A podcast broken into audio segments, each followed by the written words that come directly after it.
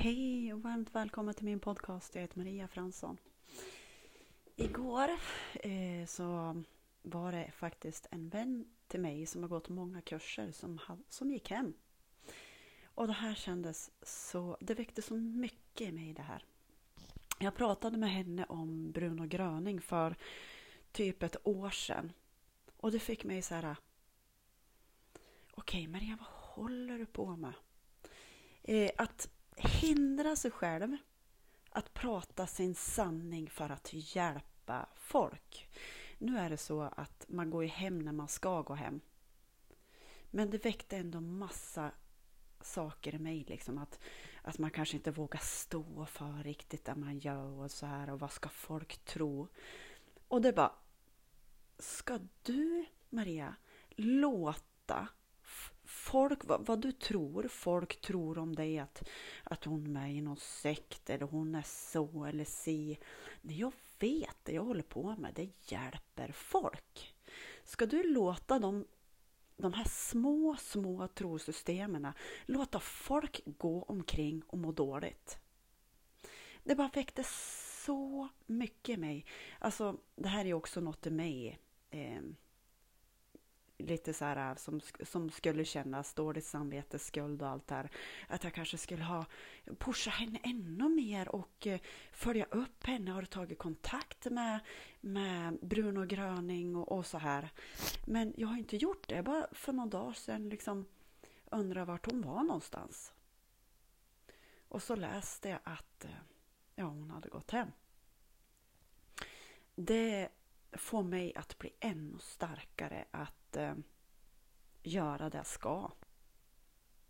Och har någon eh, olika trosystem om det så är det de som behöver eh, det här är något i mig som känns, jag har liksom haft det här lite grann, ja men åh, vad ska folk tro och liksom för att när vi har varit på lite olika ställen, jag känner ju allting och så sen eh, killarna bara mamma tyst nu, vad ska mamma säga? Liksom, de vet aldrig vad jag säger. Eh, men det är dags nu och liksom det är klart att man behöver inte alltid säga massa saker, men att saker som fungerar. Alltså, det här var också en, jag, vet, jag kanske säger lite fel i den här berättelsen, men det var en eh, kille som hade sådana trauman efter något krig han hade varit med i. Han sökte psykologhjälp, han sökte alla tera terapier som man kunde någonsin och det var nästan att folk eh, jag gav upp. Alltså, någon gav upp honom liksom för att det var så traumatiskt.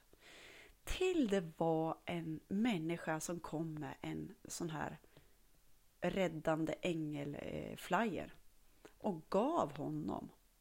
Han gick med i Bruno Grönings vänkrets. Jag vet inte hur lång tid det tog, om det tog ett halvår eller ett år. Och han bara började må psykiskt bättre, fysiskt bättre. Sen ställde sig karln, det här är styrka, de som ställer sig där fram. Jag är så djupt imponerad eh, när man ställer sig och liksom berättar sin historia helt från hjärtat. Och han står där, han är helt fullständigt frisk. Det får mig att sluta vara tyst. För att eh, man ska gömma någonting. Eh, gömma vad? Eh, så att helande. Alltså det finns inget viktigare. Hela min livsuppgift är att vilja hjälpa folk att må bra. Det har alltid varit så, sedan jag var liten när jag funderade på det här. Så det väckte hela mig igår och sluta vara tyst. Så att allt som hjälper, allt som vi vet hjälper. Varför ska vi dölja det? När det är så mycket osanningar som, som eh, flödar omkring i ett samhälle. Varför ska vi vara tysta om sånt som hjälper? Så, så det väckte hela mig att sluta gömma sig. Så, det var en liten stund med mig i den här fantastiska, härliga dagen. Jag sitter och tittar ut och jag ser små, små snöflingor som bara ah, sakta åker runt och det är jättevackert. Det är så ljust. Kram